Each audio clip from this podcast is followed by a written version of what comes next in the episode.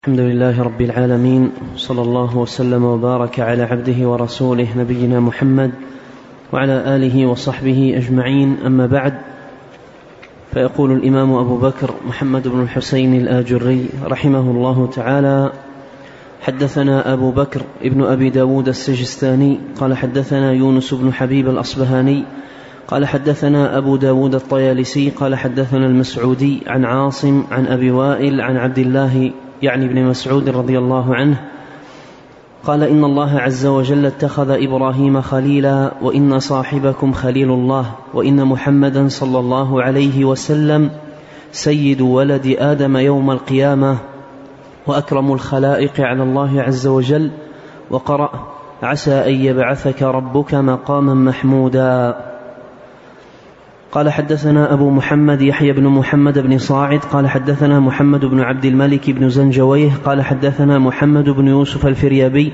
قال حدثنا قيس عن عاصم بن أبي النجود عن زر عن عبد الله بن مسعود رضي الله عنه قال إن الله عز وجل اتخذ إبراهيم خليلا وإن صاحبكم خليل الله وإن محمدا صلى الله عليه وسلم سيد ولد آدم يوم القيامة ثم قرأ عسى أن يبعثك ربك مقاما محمودا.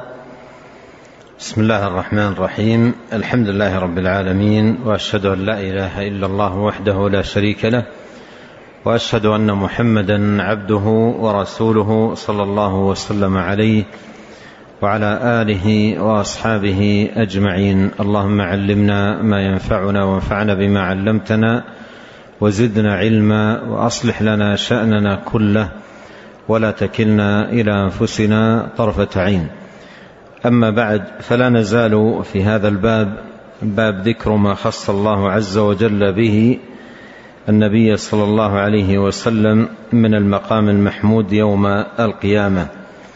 أي كما جاء في قول الله عز وجل ومن الليل فتهجد به نافلة لك عسى أن يبعثك ربك مقاما محمودا.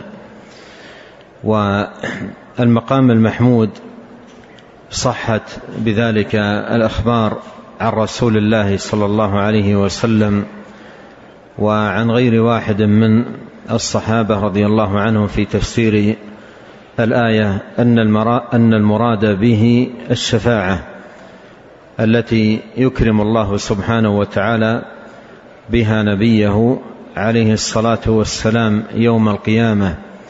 ويغبطه عليها الأولون والآخرون. قد تقدم عند المصنف رحمه الله تعالى باب في الشفاعة وساق فيه جملة من هذا هذه الأحاديث في هذا المعنى. فالمقام المحمود هو الشفاعة التي خص الله سبحانه وتعالى بها نبيه صلوات الله وسلامه عليه والأنبياء يوم القيامة يفزع إليهم الناس طلبا منهم أن يشفعوا عند الله عز وجل فيتدافعون هذه الشفاعة ثم يأتوا يأتي الناس إلى محمد عليه الصلاة والسلام فيقول أنا لها فيشفع عند الله يخر ساجدا تحت عرش الرحمن ويحمد الله عز وجل بمحامد يعلمه الله إياها في ذلك الوقت ثم يقول الله له ارفع رأسك وسل تعطى واشفع تشفع فهذا هو المقام المحمود وقد صحت الأخبار في تفسير المقام المحمود بذلك عن الرسول عليه الصلاة والسلام وعن غير واحد من الصحابة رضي الله عنهم وأرضاهم. أورد رحمه الله تعالى هذا الأثر عن عبد الله بن مسعود.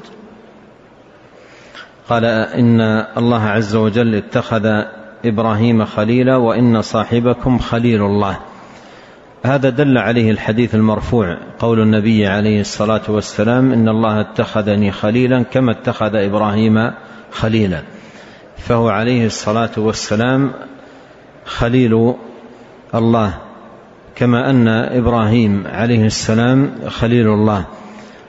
قال إن الله عز وجل اتخذ إبراهيم خليلا وإن صاحبكم خليل الله وإن محمدا سيد ولد آدم يوم القيامة. وهذا أيضا تقدم في الحديث المرفوع أنا سيد ولد آدم يوم القيامة ولا فخر.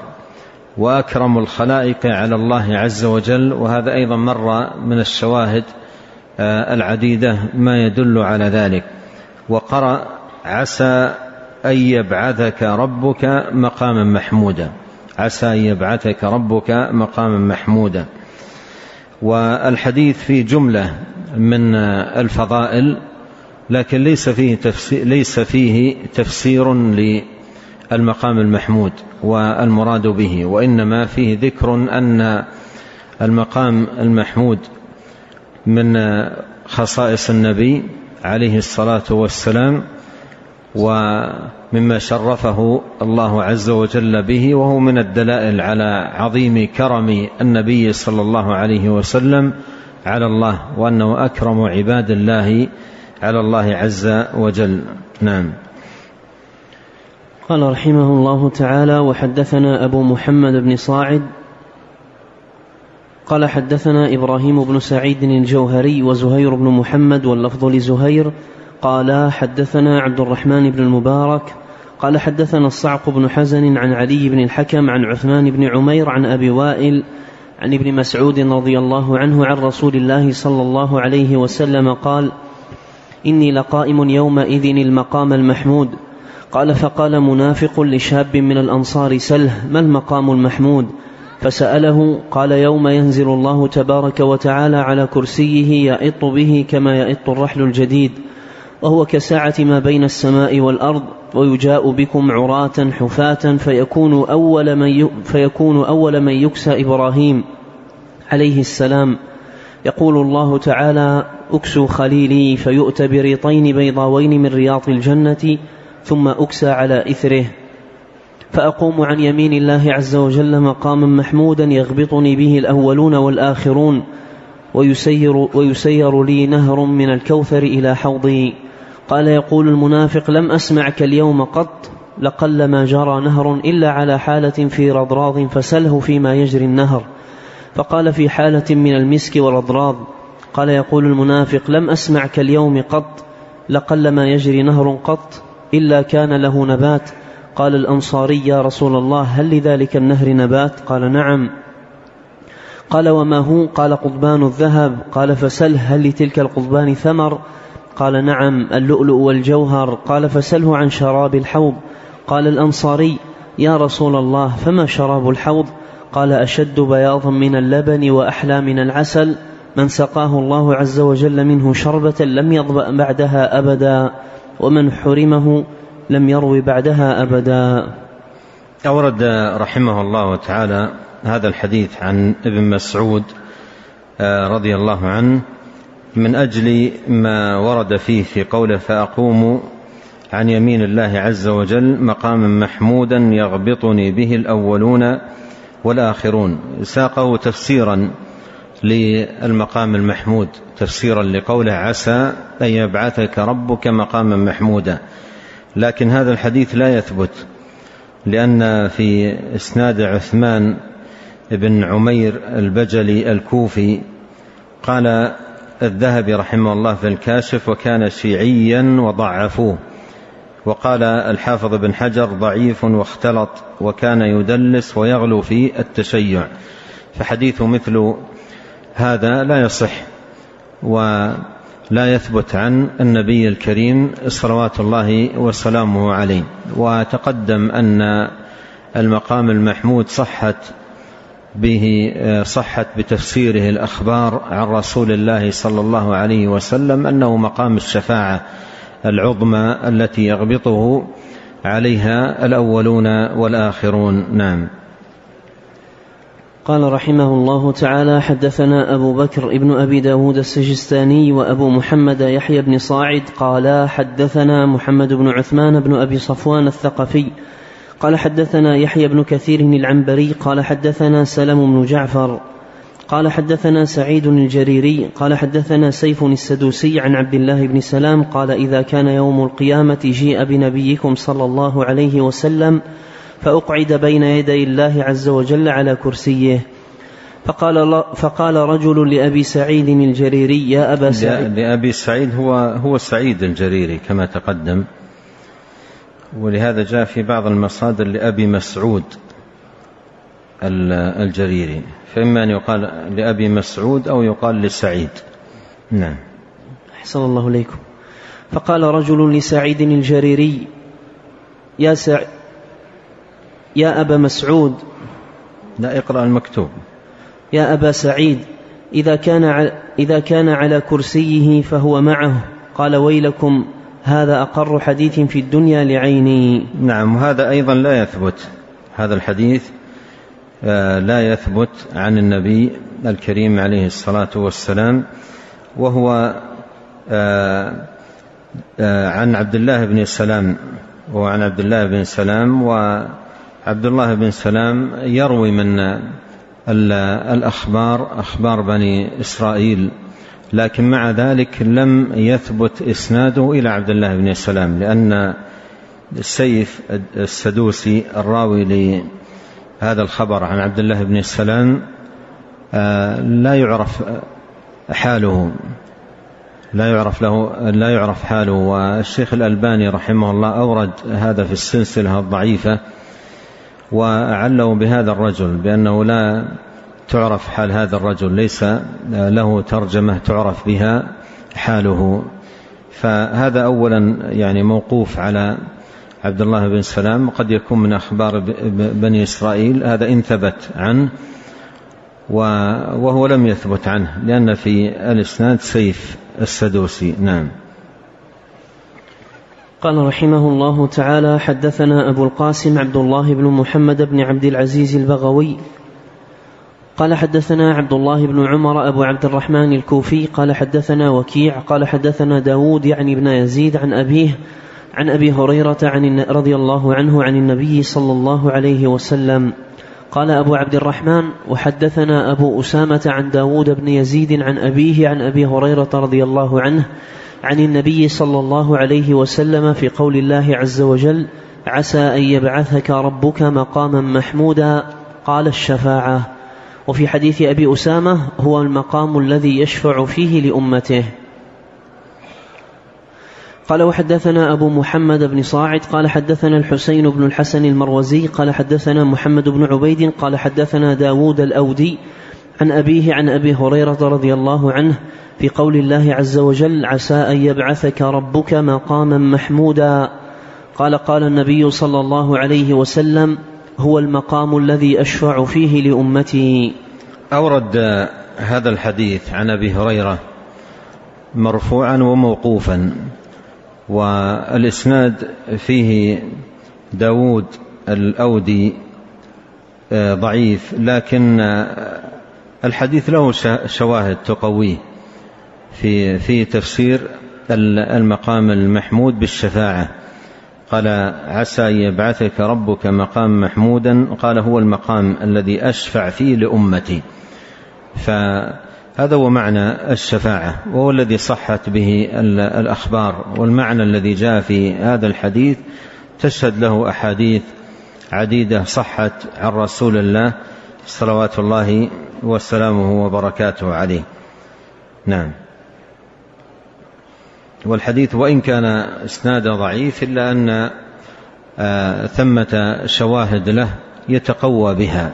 نعم. قال حدثنا أبو عبد الله أحمد بن الحسن بن عبد الجبار الصوفي قال حدثنا سليمان بن عمر الرقي قال حدثنا عيسى بن يونس عن رشدين بن كريب عن أبيه عن ابن عباس رضي الله عنهما في قول الله عز وجل عسى أن يبعثك ربك مقاما محمودا. قال المقام المحمود الشفاعة.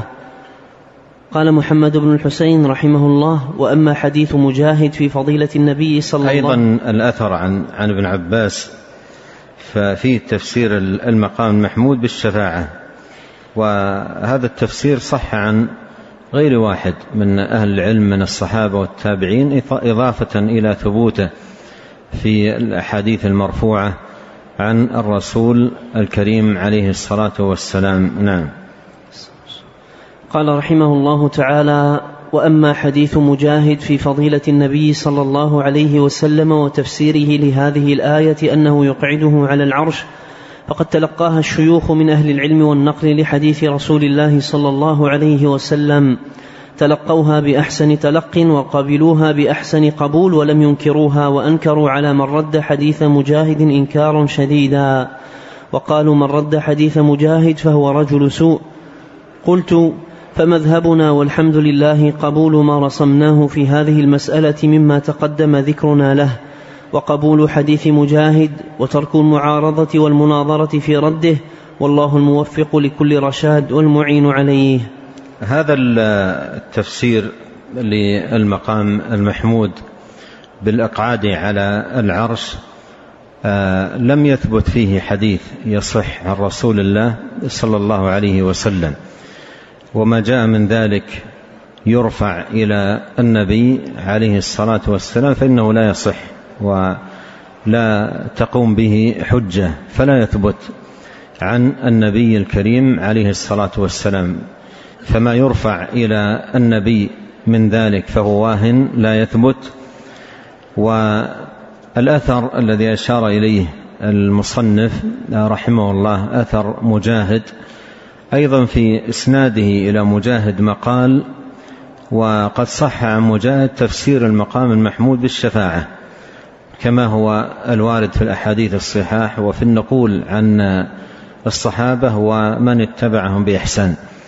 ولو صح عن مجاهد فإنه لا يعد آه، حجة لأن كلا يحتج لقوله لا به إلا الله ورسوله صلى الله عليه وسلم. فهو في ثبوت عن مجاهد نظر ولو ثبت عن مجاهد آه، رحمه الله تعالى فإنه لا يعد آه، ثبوته عن حجة في الباب لأن الحجة فيما صح وثبت عن رسول الله صلى الله عليه وسلم. وهذا لا دليل عليه في المرفوع عن النبي عليه الصلاة والسلام بل جاء في الأحاديث المرفوعة في غير ما حديث تفسير الشفاعة بأنها آه، تفسير المقام المحمود بأنه الشفاعة التي يغبطه عليها الأولون والآخرون. ولو صح لا ينكر. لو صح هذا عن النبي الكريم عليه الصلاة والسلام لا ينكر. ولو صح عن مجاهد لا قيل ما الدليل لا طلب الدليل على ذلك لأن صحته عن مجاهد لا يعد هذا دليلا. لا يعد هذا دليلا وإنما الدليل في ما صح مرفوعا إلى النبي الكريم عليه الصلاة والسلام. نعم. صلى الله عليكم قال رحمه الله تعالى وقد حدثناه جماعة.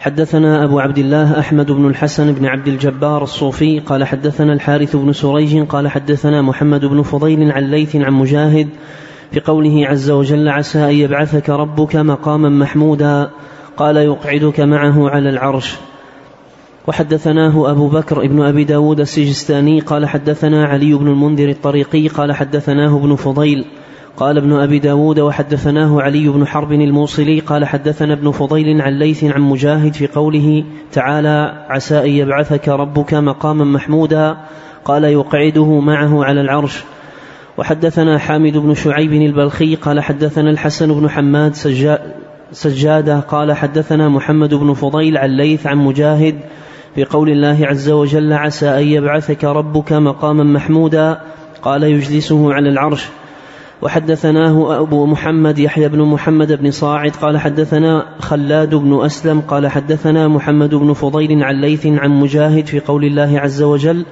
عسى أن يبعثك ربك مقاما محمودا قال يجلسه على العرش وحدثناه أبو القاسم عبد الله بن محمد بن عبد العزيز البغوي قال حدثنا عبد الرحمن بن صالح الأزدي قال حدثنا محمد بن فضيل عن ليث عن مجاهد في قوله تعالى عسى أن يبعثك ربك مقاما محمودا قال يجلسه أو يقعده على العرش. جميع هذه الروايات التي ساقها المصنف رحمه الله تعالى عن مجاهد مدارها على ليث. مدارها على ليث وهو ابن أبي سليم وهو متكلم فيه من جهة حفظه.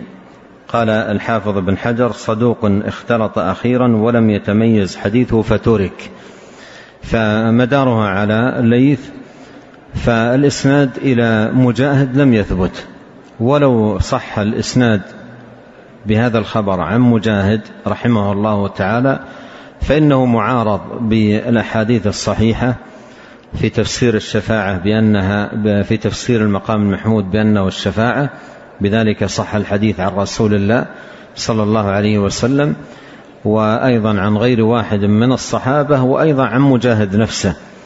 جاء التفسير للمقام المحمود بالشفاعة التي آه، يمن الله بها على نبينا عليه الصلاة والسلام ويغبطه عليها الأولون والآخرون. فالحاصل في ثبوته إلى مجاهد نظر ولو ثبت فلا يعد حجة وإنما الحجة في المرفوع. نعم. قال رحمه الله تعالى وحدثنا أبو محمد يحيى بن محمد بن صاعد قال حدثنا أحمد بن يحيى الأودي قال حدثنا زيد بن الحباب قال ابن صاعد وحدثنا أحمد بن منصور بن سيار قال حدثنا ابن أبي مريم قال حدثنا ابن لهيعة عن بكر عن بكر بن سوادة عن زياد بن نعيم الحضرمي عن وفاء بن شريح الحضرمي عن رويفع بن ثابت الأنصاري. قال قال رسول الله صلى الله عليه وسلم وقال زيد بن الحباب في حديثه سمعت رسول الله صلى الله عليه وسلم يقول من قال اللهم صل على محمد وأنزله المقعد المقرب عندك يوم القيامة وجبت له شفاعتي. قال ابن صاعد وهذه الفضيلة في القعود على العرش لا ندفعها ولا نماري فيها ولا نتكلم في حديث فيه فضيلة لرسول الله صلى الله عليه وسلم بشيء يدفعه ولا ينكره. قال ابن صاعد وهذا الحديث يقارب الأحاديث في معنى يقعده على العرش. نعم هذا الحديث أيضا آه، لا يثبت عن نبينا الكريم عليه الصلاة والسلام في إسناده وفاء الحضرمي تفرد به وهو مقبول كما ذكر ذلك الحافظ في ترجمته في التقريب. والمقبول آه، يقبل حديث إذا وجد له من يتابعه عليه فيتقوى. أما بمجرد روايته هو وحده الحديث لا يحتج بحديثه. فهذا الحديث أيضا لا يثبت عن النبي الكريم عليه الصلاة والسلام وقول ابن صاعد وهذه الفضيلة في القعود على العرش لا ندفعها ولا نماري فيها ولا نتكلم في حديث فيه فضيلة لرسول الله صلى الله عليه وسلم بشيء يدفعه ولا ينكره. نعم يقال هذا إذا صح بذلك الخبر عن الرسول عليه الصلاة والسلام وثبتت الفضيلة عنه. صلى الله عليه وسلم. فالشأن أولا في إثباتها بالأحاديث آه، الصحاح. وكما قدمت ما جاء في ذلك من آه، أحاديث ترفع إلى النبي عليه الصلاة والسلام فهي واهية لا تثبت عنه صلوات الله وسلامه عليه بل صحت الأخبار عنه صلى الله عليه وسلم في تفسير الشفاعة بأنها المقام تفسير المقام المحمود بأنه الشفاعة. نعم. قال رحمه الله تعالى فإن قال قائل وقول ابن صاعد هنا وهذا الحديث يقارب الأحاديث في معنى يقعده على العرش لأنه قال وأنزله المقعد المقرب عندك في الدعاء. لكن آه، لم يثبت الحديث لم يثبت وفي الوقت نفسه ليس فيه تصريح في المعنى المراد الآن في هذا السياق. نعم. قال محمد بن حسين رحمه الله تعالى فإن قال قائل إيش معنى قول الله عز وجل ومن الليل فتهجد به نافلة لك أهي نافلة للنبي صلى الله عليه وسلم دون غيره من الناس؟ وهل قيام الليل واجب على غيره أو نافلة له أو نافلة له خاصة؟ قيل له معناه معنى حسن. اعلم أنه كان قيام الليل أنه كان قيام الليل واجبا على النبي صلى الله عليه وسلم وعلى أمته. وهو قول الله عز وجل يا أيها المزمل قم الليل إلا قليلا نصفه أو انقص منه قليلا أو زد عليه ورتل القرآن ترتيلا. فكان صلى الله عليه وسلم يقومه وأمته ويصعب على المؤمنين تقدير الليل للقيام. فتفضل الله الكريم على نبيه وعلى أمته فنسخ عنه عنهم قيام الليل وهو قوله عز وجل والله يقدر الليل والنهار علم أن لن تحصوه فتاب عليكم فقرأوا ما تيسر من القرآن. إلى آخر السورة فصار قيام الليل من شاء قامه ومن لم يشأ لم يقمه. إذا أدى فرائضه كما أمره الله عز وجل فمن قامه كفر الله عز وجل به عنه سيئاته. وقوله عز وجل نافلة لك معناه إن الله عز وجل قد غفر لك ما تقدم من ذنبك وما تأخر فليس لك ذنوب تكفر عنك وإنما قيامك الليل وجميع أعمال الطاعات فضل لك في درجاتك عند ربك عز وجل نافلة لك. وسائر أمتك ما عملوه من الطاعات من قيام الليل وغيره إنما يعملوه في كفارات الذنوب وأنت فلا ذنوب لك يكفرها قيام الليل نافلة لك يا محمد. قال حدثنا أبو سعيد أحمد بن محمد بن زياد الشاهد قال حدثنا الحسن بن عفان الكوفي قال حدثنا أبو أسامة عن أبي عثمان عن عبد الله بن كثير عن مجاهد في قول الله عز وجل ومن الليل فتهجد به نافلة لك قال لم تكن النافلة لأحد إلا للنبي صلى الله عليه وسلم خاصة من أجل أنه قد غفر له ما تقدم من ذنبه وما تأخر فما عمل من عمل مع المكتوبات فهو نافلة له سوى المكتوبة من أجل أنه لا يعمل في كف من أجل أنه لا يعمل في كفارة الذنوب والناس يعملون ما سوى المكتوبة كفارة ذنوبهم فليس للناس نوافل إنما هي للنبي صلى الله عليه وسلم. قال محمد بن الحسين رحمه الله تعالى فضائل النبي صلى الله عليه وسلم كثيرة والحمد لله. نعم هنا يعني هذا استطراد من المصنف الإمام الآجري رحمه الله تعالى في تفسير النافلة في قوله نافلة لك نافلة لك.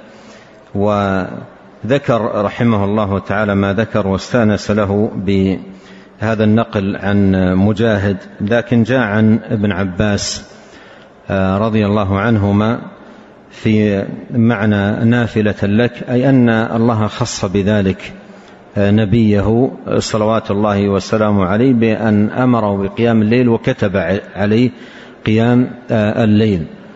ودون سائر الأمة فإنه آه، في حق سائر الأمة ليس واجبا. ولم يكتب عليهم ذلك على سبيل الوجوب. وجاء آه، في التفسير للإمام الآجري وقد ذكر آه، تفسير للإمام الطبري رحمه الله وقد ذكر قول مجاهد الذي أشار إليه المصنف وأيضا قول ابن عباس قال وأولى القولين بالصواب في ذلك القول الذي ذكرناه عن ابن عباس. القول الذي ذكرناه عن ابن عباس وذلك أن رسول الله صلى الله عليه وسلم كان الله تعالى قد خصه بما فرض عليه من قيام الليل دون سائر الأمة. فأما ما ذكر عن مجاهد في ذلك فقول لا معنى له. نعم. قال محمد بن الحسين رحمه الله فضائل النبي صلى الله عليه وسلم كثيرة والحمد لله في الدنيا والآخرة. وقد وعده الله عز وجل أنه سيعطيه في الآخرة من الكرامات حتى يرضى وهو قوله عز وجل ولسوف يعطيك ربك فترضى قال حدثنا أبو بكر بن أبي داود قال حدثنا محمود بن خالد قال حدثنا عمر يعني بن عبد الواحد عن الأوزاعي عن إسماعيل بن, عن إسماعيل بن عبيد الله قال حدثني علي بن عبد الله بن عباس عن أبيه قال عرض علي رسول عرض علي رسول الله صلى الله عليه وسلم ما هو مفتوح. عرض. عرض على رسول الله صلى الله عليه وسلم ما هو مفتوح على أمته كفرا كفرا. كفرا كفرا يعني قرية قرية بلدة بلدة مكانا مكانا نعم. أحسن الله إليكم. فسر بذلك فأنزل الله عز وجل والضحى إلى قوله ولسوف يعطيك ربك فترضى فأعطاه الله عز وجل ألف قصر في الجنة من لؤلؤ ترابهن المسك في كل قصر ما ينبغي له من الأزواج والخدم. قال وحدثنا ابن أبي داود قال حدثنا يحيى بن عبد الرحيم الأعمش قال حدثنا عمرو بن هاشم قال سمعت الأوزاعي يقول حدثني إسماعيل بن عبيد الله عن علي بن عبد الله بن عباس عن أبيه عبد الله بن عباس قال عرض على رسول الله صلى الله عليه وسلم ما هو مفتوح على أمته من بعده كفرا كفرا. فسر بذلك فأنزل الله عز وجل ولسوف يعطيك ربك فترضى قال فأعطاه الله في الجنة ألف قصر في كل قصر ما ينبغي له من الأزواج والخدم قال وحدثنا أبو بكر ابن أبي داود قال حدثنا إسحاق, إسحاق بن إبراهيم النهشلي قال شاذان قال حدثنا قبيصة قال حدثنا سفيان عن الأوزاعي عن إسماعيل بن عبيد الله بن عبد الله بن عباس عن ابن عباس عن النبي صلى الله عليه وسلم قال أريت ما هو مفتوح على أمتي كفرا كفرا فسرني ذلك فنزلت والضحى والليل إذا سجى إلى قوله عز وجل ولسوف يعطيك ربك فترضى. وقال أعطي ألف قصر من لؤلؤ ترابها المسك في كل قصر ما ينبغي له. نعم هذا الأثر يعني ساقه في تمام هذه الأبواب يعني أن الأبواب التي في في الفضائل فعدد في الفضائل والخصائص للنبي عليه الصلاة والسلام ثم ختم بهذا أنها فضائل كثيرة كثيرة أعطاها الله سبحانه وتعالى نبيه في الدنيا والآخرة. وأورد قول الله عز وجل ولسوف يعطيك ربك فترضى. وساق عن ابن عباس رضي الله عنهما وصح به الإسناد عنه عن قال عرض على رسول الله صلى الله عليه وسلم ما هو مفتوح على أمتي كفرا كفرا. وهذا مما لا يقال بالرأي وله حكم الرفع. قال عرض على رسول الله صلى الله عليه وسلم ما هو مفتوح على أمتي كفرا كفرا. هذا مثل قول النبي عليه الصلاة والسلام في الحديث الصحيح إن الله زوالي آه، الأرض مشارقها ومغاربها وإن ملك أمتي يبلغ ما زوي لي منها. هذا نظير ما جاء هنا عرض على رسول الله صلى الله عليه وسلم ما هو مفتوح على أمته كفرا كفرا. أي بلدة بلدة وقرية قرية فسر بذلك فسر بذلك يعني اتساع رقعة الإسلام وامتداده في مشارق الأرض ومغاربها فسر صلوات الله عليه صلوات الله والسلام عليه بذلك.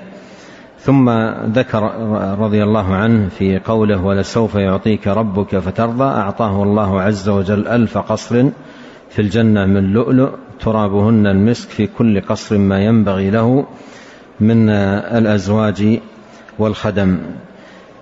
فصلوات الله وسلامه على نبينا وصلوات الله وسلامه عليه وجزاه عنا وعن أمته خير ما جزى نبي عن أمته ورزقنا الله حسن التأسي به والاتباع لهديه والاقتداء بسنته وحشرنا تحت لوائه وفي زمرته يوم لقائه سبحانه وتعالى. اللهم انفعنا بما علمتنا وزدنا علما وأصلح لنا شأننا كله. ولا تكلنا إلى أنفسنا طرفة عين. اللهم اغفر لنا ولوالدينا ولمشايخنا ولولاة أمرنا وللمسلمين والمسلمات والمؤمنين والمؤمنات الأحياء منهم والأموات.